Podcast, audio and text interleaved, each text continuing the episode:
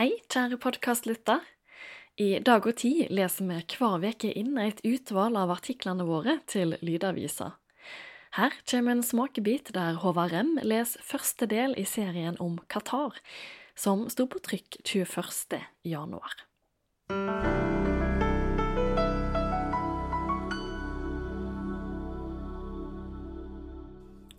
Gode lytter. Jeg er Håvard Rem og begynner i dag en ny reiseserie i Dag og Tid. Jeg skriver fra Qatar, det vesle oljelandet som blir sterkt kritisert for brudd på menneskerettene, men som i fjor var vertskap for samtaler mellom Taliban og USA, og som i år er vertskap for fotball-VM. Del 1 med én fot i fortida og én i framtida. Da. Hva gjør jeg i Qatar? Jo, jeg vitjar enda et land i Midtøsten, det niende for min del. Møter et samfunn som vil prege nyhenda i 2022, og vært mer kjent med en nasjon som i mangt liknar Noreg. Liknar Qatar Noreg? Ved første øyekast er de to samfunna særs ulike. Qatar er ikke landa vi liker å sammenlikne oss med. Qatar ligger i Midtøsten, Norge i Norden. Qatar er et diktatur, Norge et demokrati. Qatar har organisasjonsforbud, Norge sterke fagforeninger. Qatar nytter sharia i lovverket, Norge er en liberal rettsstat. Qatar er muslimsk, Norge sekulært. Qatar har store kjønnsskilnader, Norge nær ingen. Ved neste øyekast har de to landa mye sams. Både er av de rikeste i verden, både har rikdommen fra olje- og gassvirksomhet, og både har en innfødt folkesednad som har gjort seg avhengig av utlendinger i tjenesteyrker. Utlendinger som kommer til Qatar og Norge får gjerne et bedre liv enn landsmennene sine, men et dårligere enn de innfødte. Qatar spøka i kulissene da Språkrådet i desember kåra fjorårets nyord, sportsvaske. Som vertsland for fotball-VM om ti måneder vil qatarerne imponere verden. Skal en tru Amnesty, har mer enn 15 000 gjestearbeidere mista livet i arbeidet med å bygge fotballstadion og infrastruktur. Hva har Norge og Qatar av sams soge? En gullalder med ekspansjon og imperialisme hadde både landa i sein jernalder. Etter Romerrikets fall og folkevandringstida laut Karl den store forsvare seg mot åtak fra både sør og nord, fra Arabia og Norden. Medan den norske ekspansjonen kulminerte med Norgesveldet før svartedauden, har språk og tru fra den arabiske halvøya lagt under seg området fra Atlanterhavet til Stillehavet. Enda en norsk-qatarsk parallell er det at både landa, etter den krigerske stordomstida, havna i skuggen av mektigere granneland. Saudi-Arabia og Bahrain gjorde krav på Qatar, Danmark og Sverige gjorde krav på Noreg.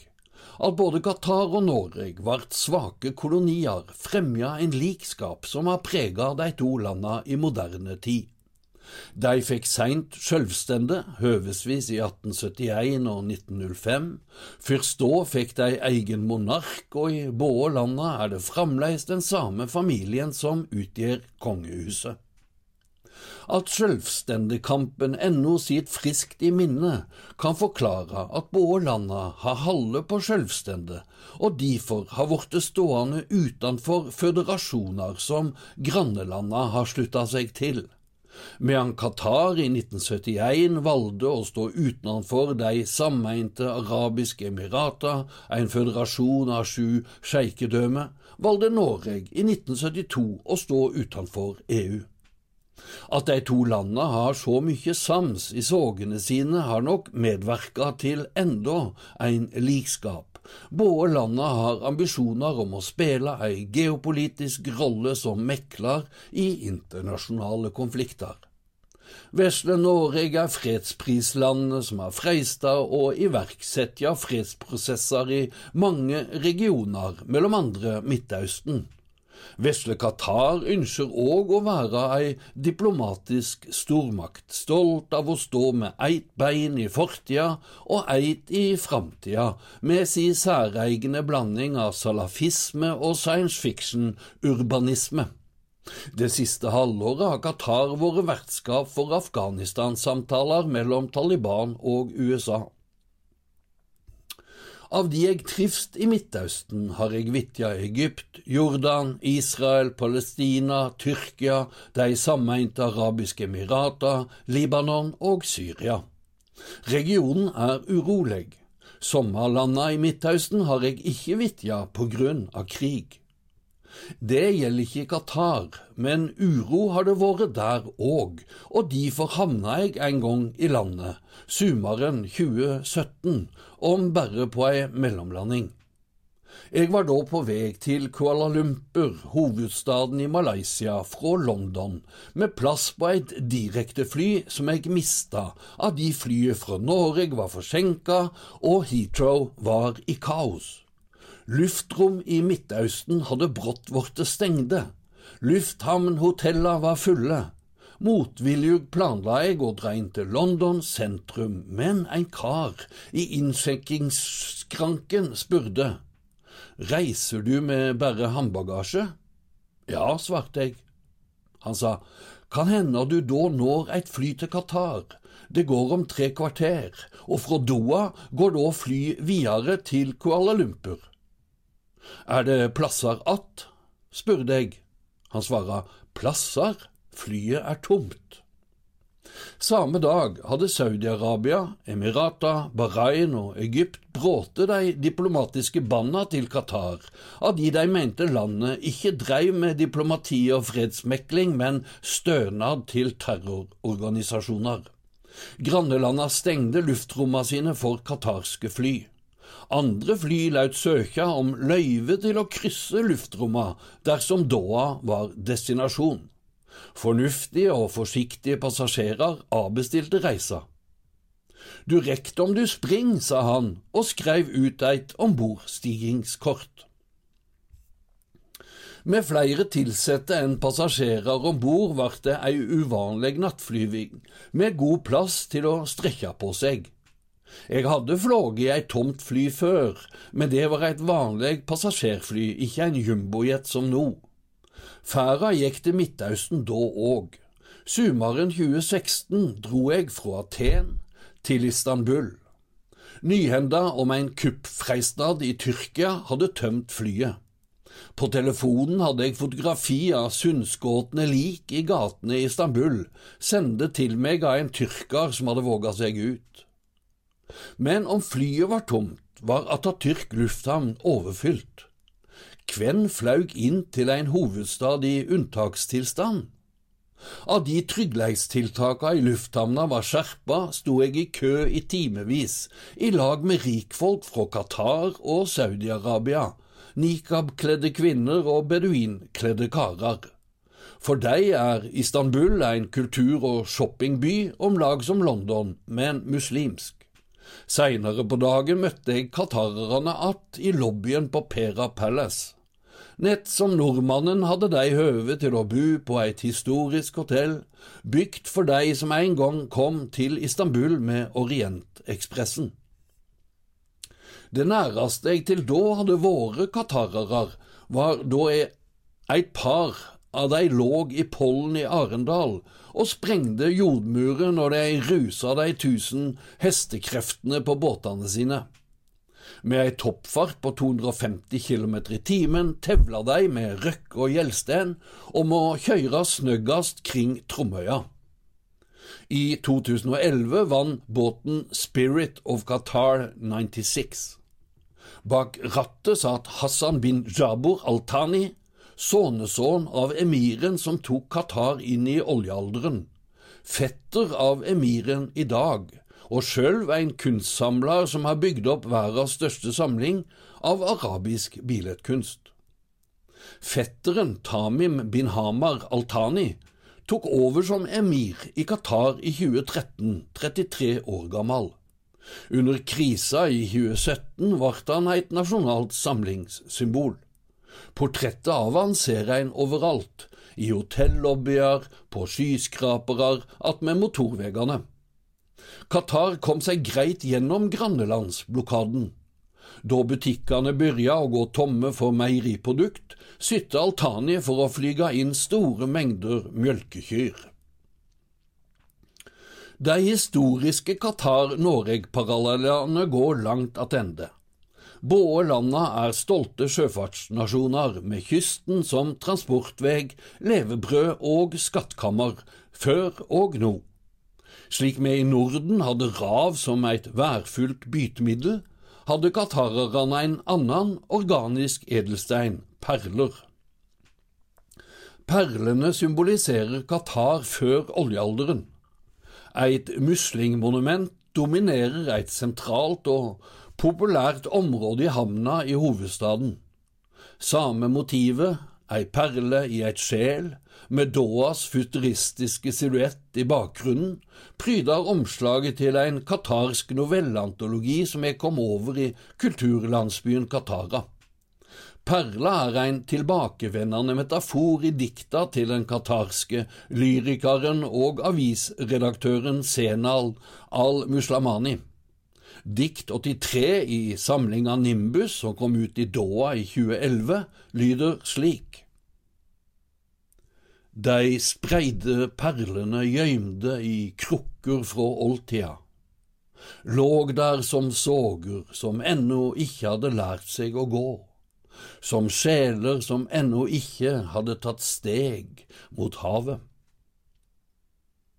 Og hva er navnet på den kunstige luksusøya Qatar bygger nord for Doha, som er et svar på Dubais palmen? Jau, Perla.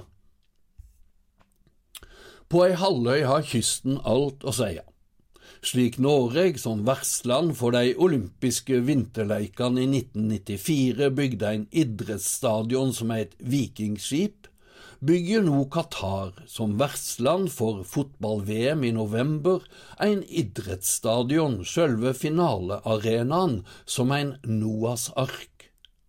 Noah, kjem ikke han fra Bibelen og kristendommen? Vel, for det første var Qatar et kristent område i flere hundre år før islam tok over.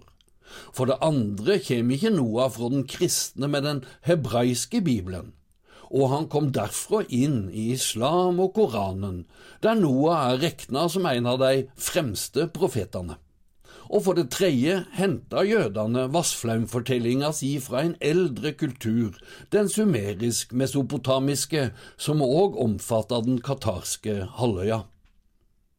Med Vassflaumfortellinga syner det seg nok en norsk-katarsk parallell, som går heilt attende til mesolittisk og mytologisk tid. De fleste landområder på jorda lå synlige for 10 000 år siden, men ikke Norge og Qatar. At Norge lå under is, er for oss mer kjent enn at Qatar lå under vann. Om lag samstunde som Noreg stiger frem furet værbitt fra isen, stiger Katarhalvøya fram over vannet. De to hendingene henger sammen. Da vatnet la seg som is over Noreg, sokk verdshava og berla ikke bare Doggerlandet i Nordsjøen, men Persiabukta òg. Den frodige golfbotnen lå lenge som ein Edens hage, men da isen smelta og havet steig, vart han overflødd. Da Persiabukta voks, til om lag der kystlina går i dag, sto det ei halvøy att i det overflødde området. Qatar overlevde flaumen, slik flaumen overlevde som såge i de eldste Midtausten-mytene, om vi skal tru forskerne. Flaumsoga i det sumeriske Gilgamesh-eposet vandra videre i hebraiske, greske og arabiske tekster men den mest slående likskapen i soga til Qatar og Noreg finner vi i moderne tid, og nå som før finner hendingene stad attmed kysten, offshore. Kysten synte seg å være rik, ikke bare på rav og perler, samferdsel og fiske, men òg på olje og gass. Qatar ble en oljenasjon i 1950-åra, Norge i 1960-åra.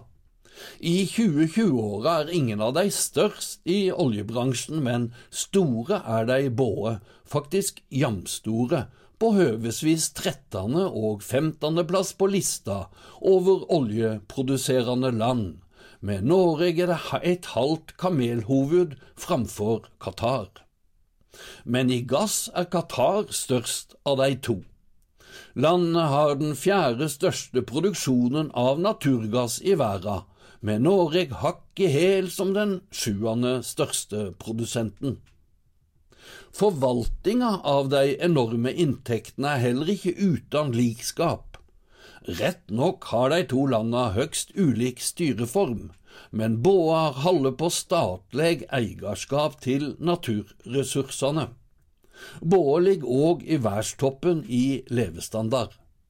Om skilnadene mellom fattig og rik aukar i Noreg, er tilhøvet mellom innfødde og gjestearbeidere i Qatar som mellom herskap og tjenerar. Og for å avslutte med å peke på en stor skilnad mellom de to landa. Medan du i Norge må bo i landet i sju–åtte år for å få statsborgerskap, må du i Qatar tjene i et kvart hundre år før du kan søke om å verte medborger.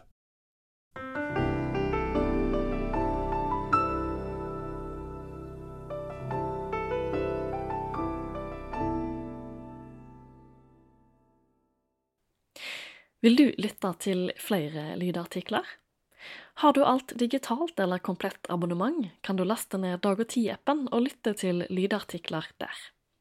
Er du ikke abonnent, kan du gå inn på dagogtid.no prov og bestille et gratis prøveabonnement.